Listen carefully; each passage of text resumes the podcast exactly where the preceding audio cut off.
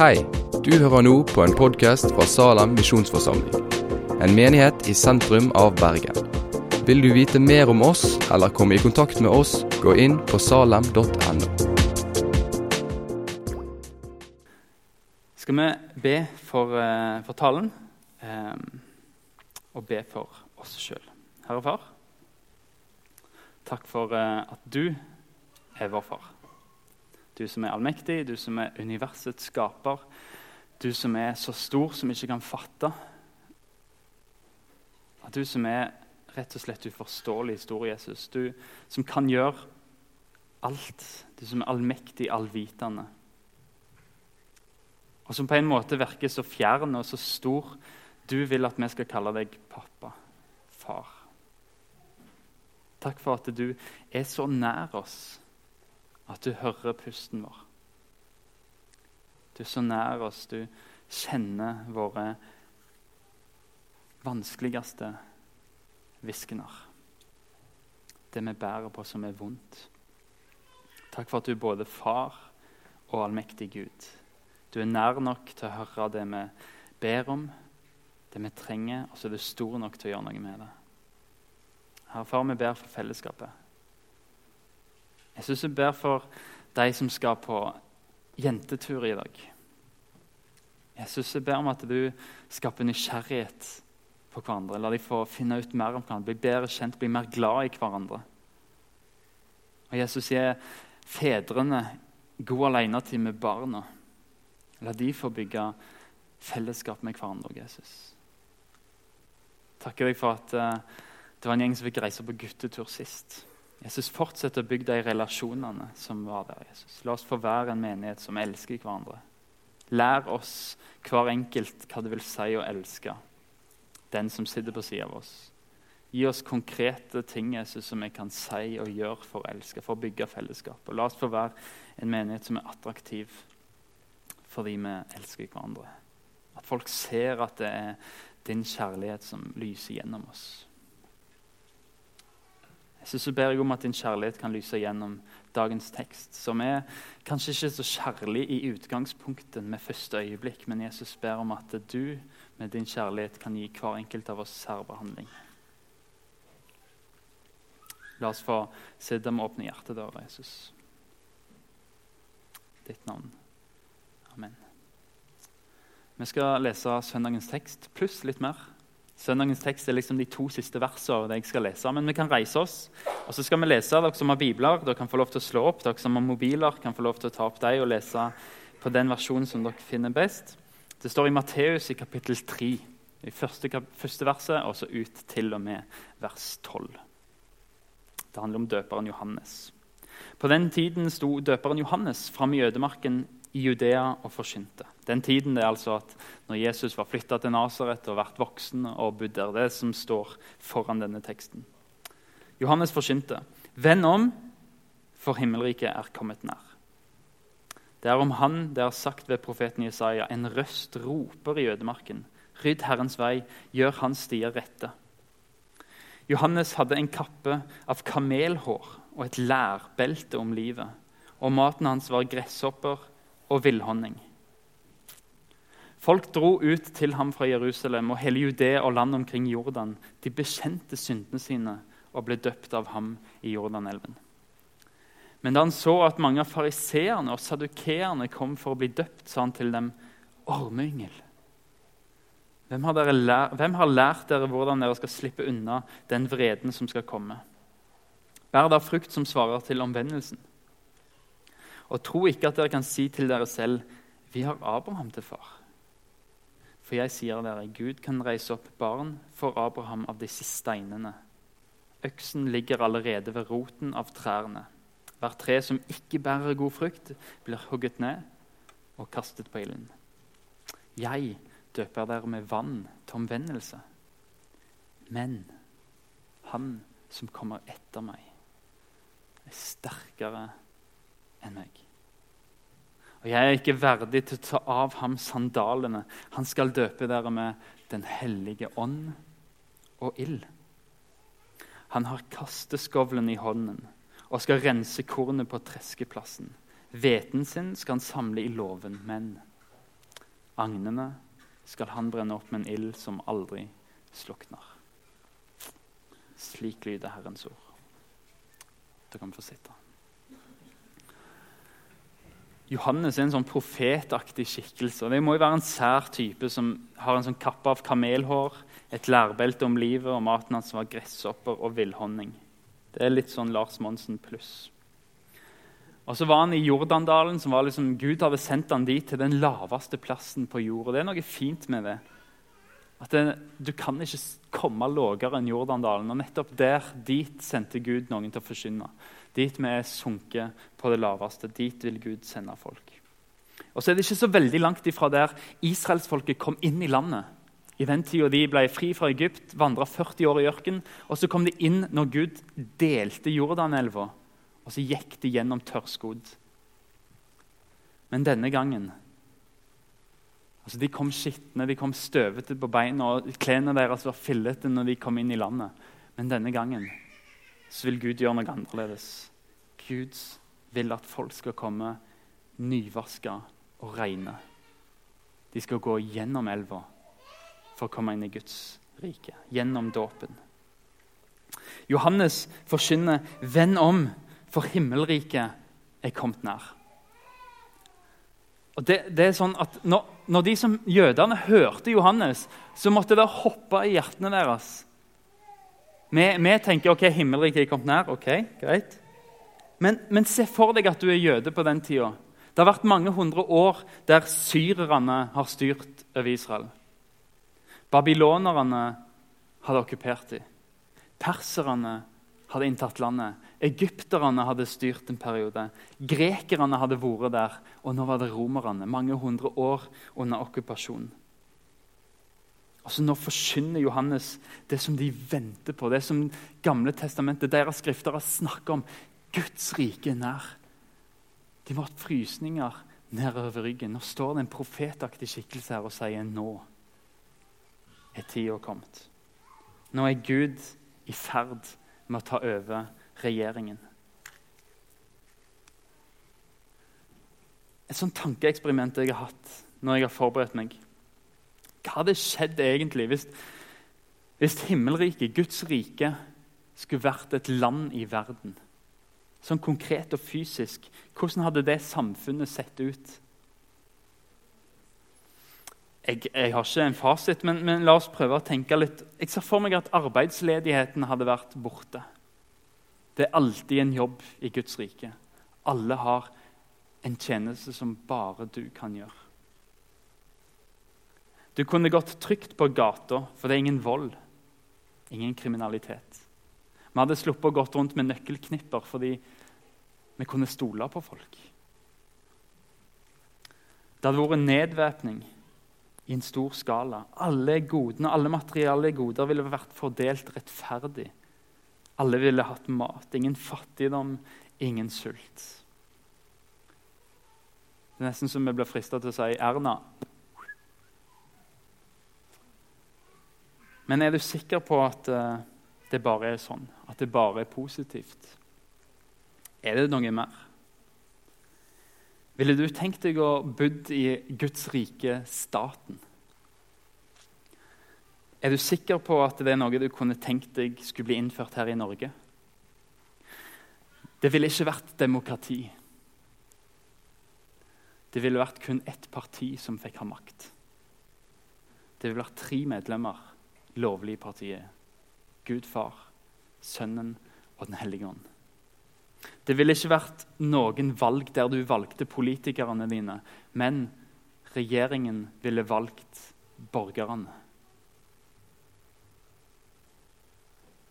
Det ville ikke vært noen debatt, ingen diskusjon, ingen opposisjon. Det ville vært absolutt makt til Gud, et teokrati. For deg så hadde det betydd umiddelbart dårligere levestandard. Gud ville redistribuert din rikdom med en gang. Han støtte herskere ned fra tronen og løfte opp de lave. Han metta de sultne med gode gaver, men sendte de rike tomhendte fra seg. står det. Ville du likt å fått en seks dagers arbeidsuke, sånn Gud skapte det? Og så ville det ikke bare vært straffbart bare med kriminelle gjerninger, men holdninger og tanker som ikke stemte overens med Guds vilje. Ikke bare hva du gjør, men, men hva du tenker, føler og sier, ville vært, fått konsekvenser. Vil vi ha det landet?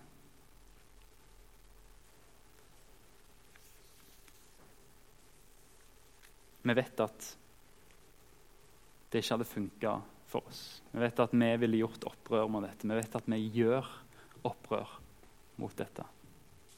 Hvis Guds rike skal ta over, så må Gud sjøl ta bort det som er årsaken til at ting ikke er rettferdig.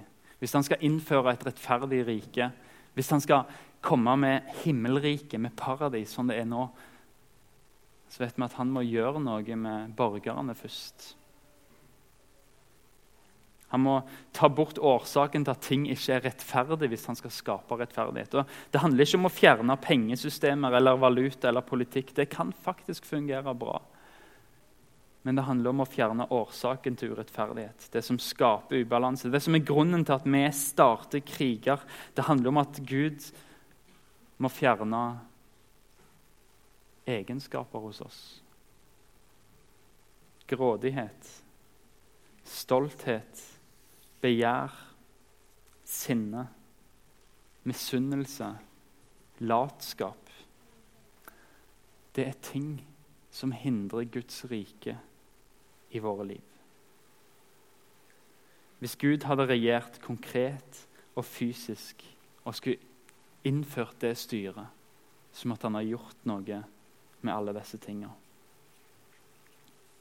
Så er det sånn at Bibelen sier at Guds rike skal en gang komme i fullt når han kommer igjen med himmel. En ny himmel og en ny jord. Samtidig så er det kommet når Jesus styrer i våre hjerter. Men en dag skal det komme fullt og helt. Og For at Gud skal få igjennom sin politikk uten opposisjon, så må han rense folket. Og Det er en sammenligning som jeg skal komme med nå, som jeg ikke er nødvendigvis stolt av, men den, den har noen ting.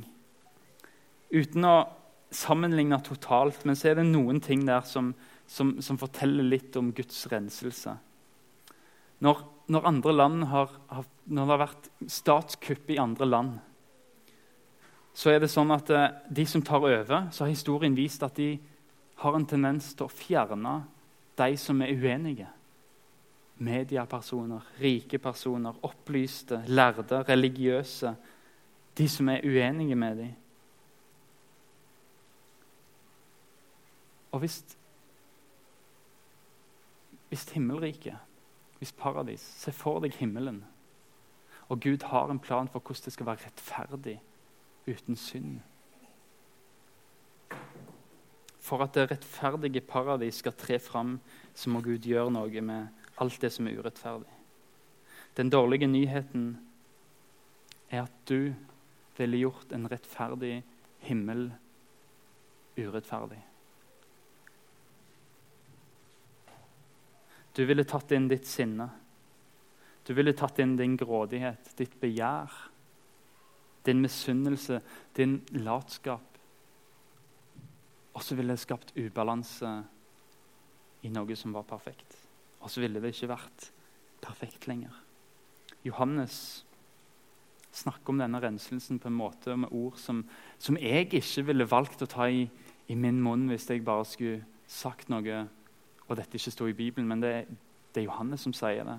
Det er Guds ord som sier det. For Jesus har kastet skovlen i hånden og skal rense kornet på treskeplassen.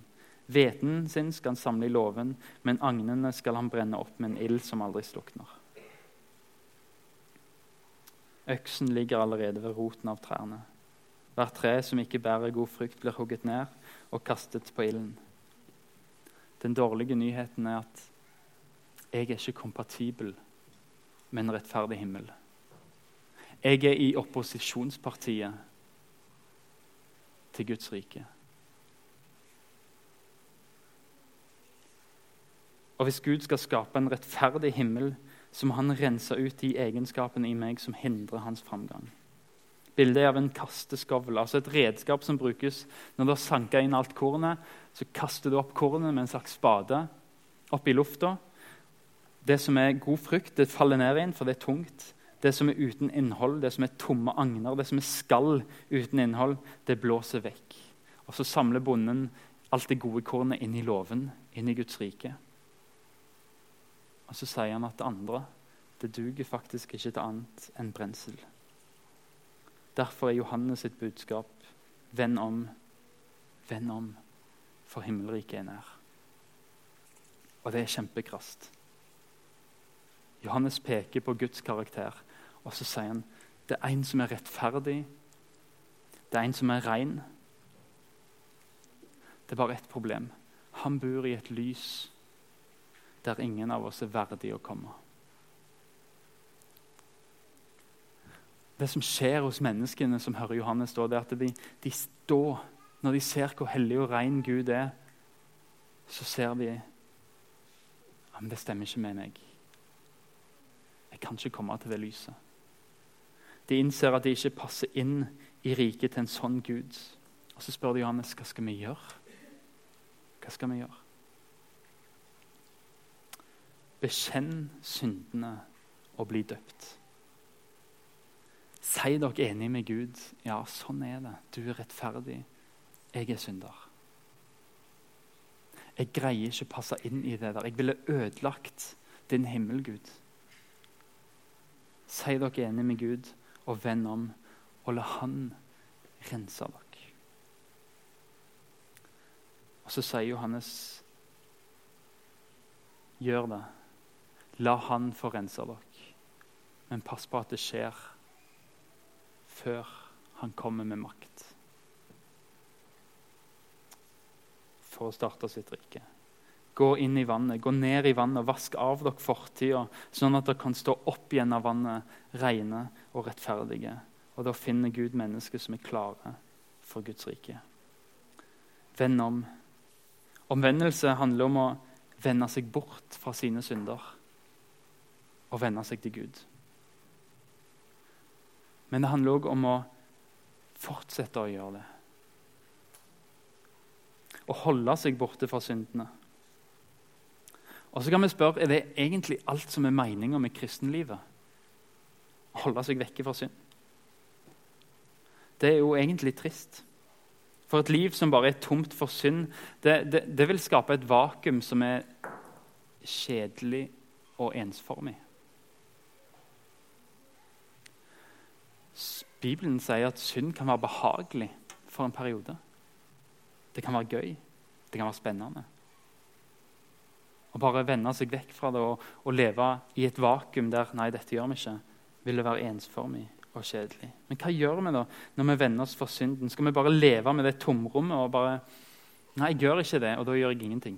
Jeg gjør ikke den synden, og så gjør jeg heller ingenting.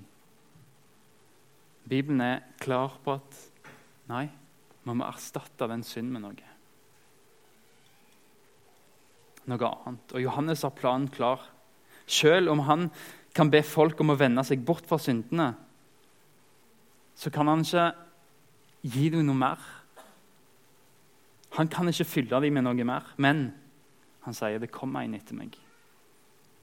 Han er uendelig mye større, og han kan gjøre så mye mer enn det jeg kan. Johannes kan be folk om å vende, seg, vende folk be, seg, be, folk om å vende seg bort fra synden, men, men Jesus kan bære synden helt bort. Til glemselens sted. Han er syndebukken som ble slakta for deg. Se der Guds lam som bærer bort verdens synd, sier Johannes om Jesus litt seinere. Men han kan ikke bare ta bort synden og skape et vakuum som gir et kjedelig kristenliv. Han kan gjøre mye mer. Han kan døype, med Den hellige ånd og med ild. Han fyller deg opp igjen. Ånd og ild. Det sier Johannes. Det kommer en etter meg. Og Det er ikke bare sånn at han skal ta bort syndene, men han skal gi dere noe mer. Han skal fylle dere med noe annet enn et tomrom.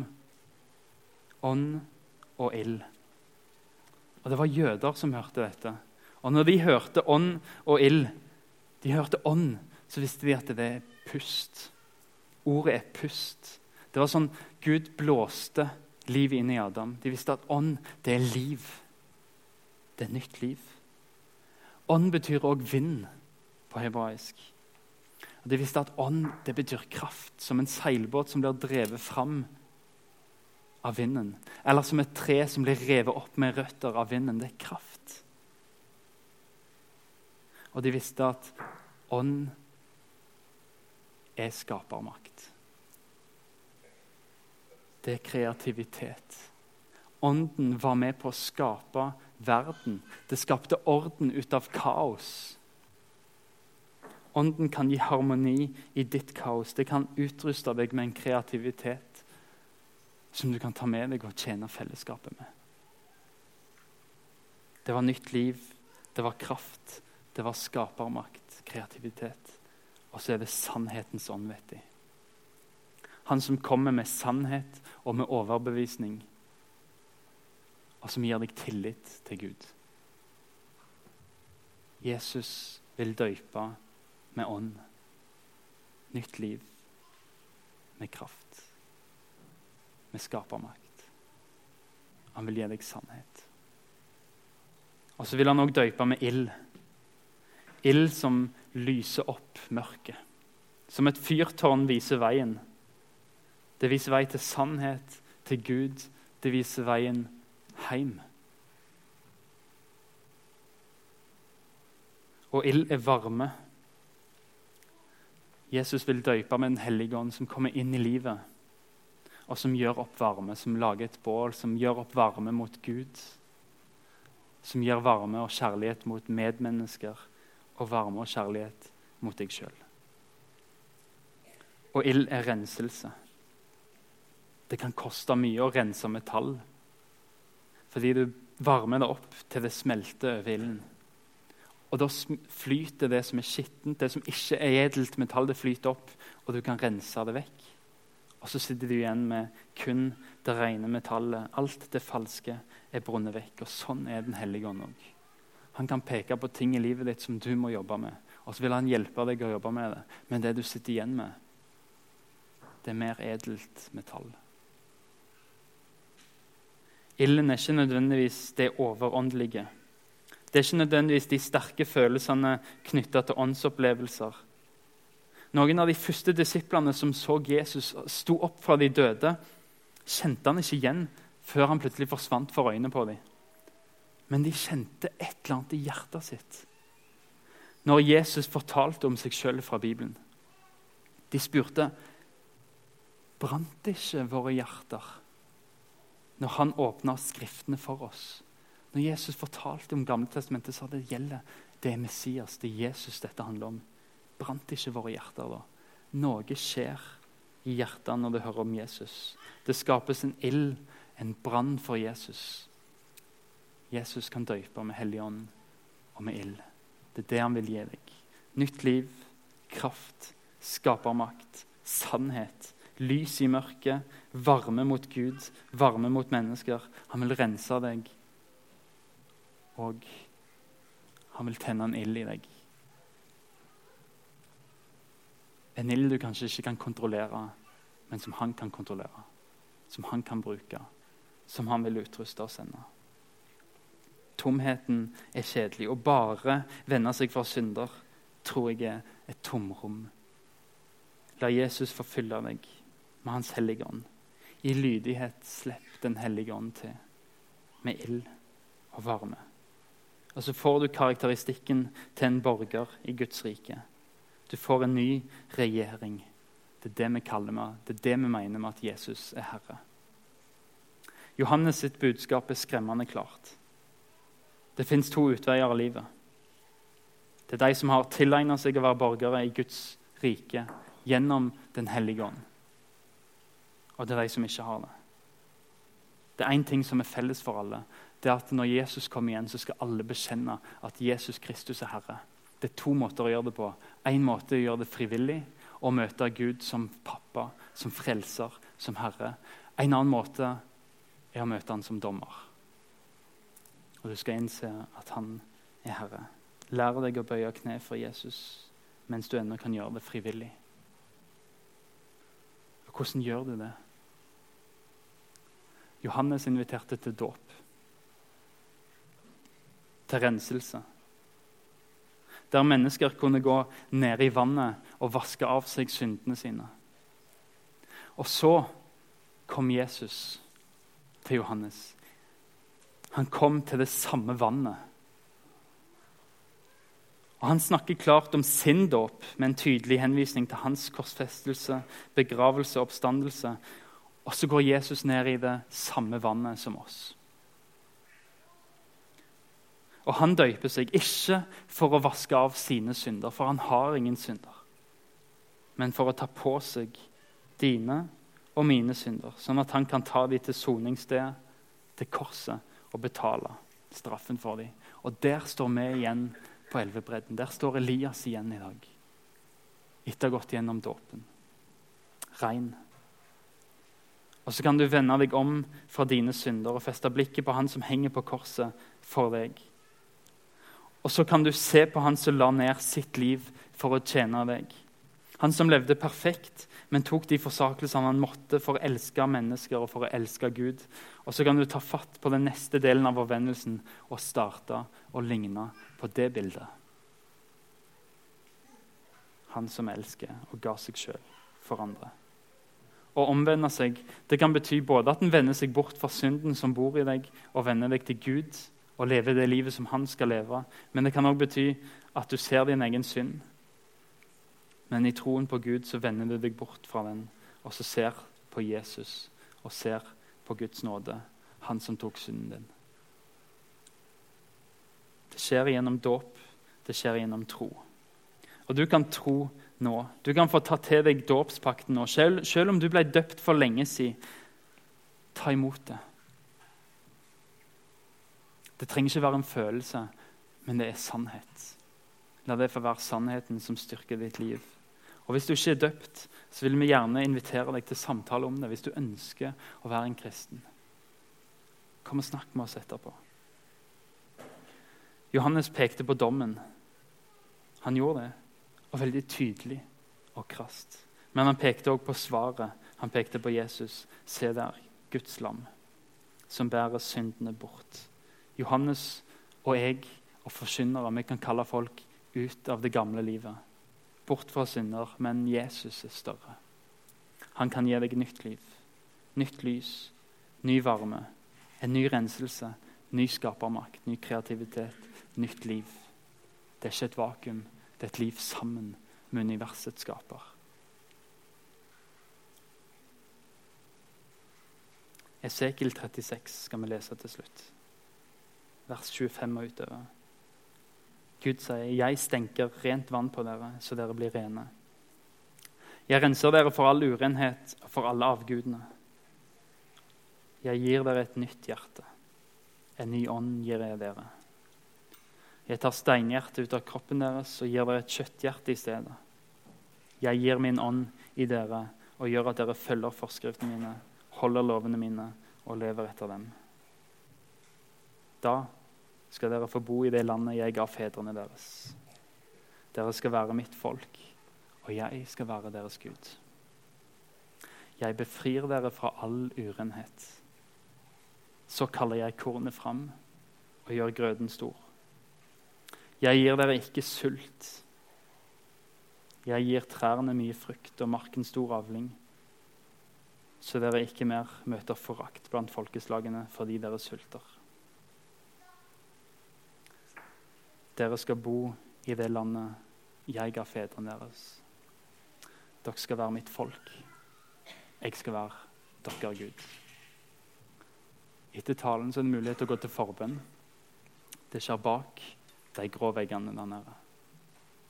Hvis det er noe som traff deg i talen, i dåpen, i noen sang, hvis det er noe du kommer med utenfra, stort eller lite, eller bare ønsker å bli bedt for Alle kan gå til forbønn. Ingenting er for lite, ingenting er stort. Og det er forbedere vi har stor tillit til, som sitter der, som har taushetsplikt. Benytt dere av den muligheten. Herre Far, takk for ditt ord. Takk for din hellighet. Takk for din rettferdighet. Jesus, vi bekjenner at vi ikke er hellige. Vi bekjenner at vi ikke er rettferdige. Men takk for at du gjør oss til borgere av ditt rike. Takk for at du renser. Takk for at du vender oss vekk fra synd og gir oss nytt liv, gir oss ånd, gir oss varme, kjærlighet, ild, sannhet. La oss få leve i de sannhetene, Jesus. I ditt navn ber vi om det. Amen.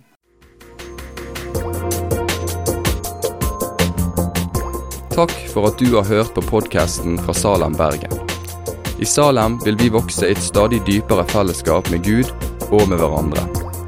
Vi vil være Jesu hender og føtter, og vi vil være med og forkynne frelse for Bergen og resten av verden.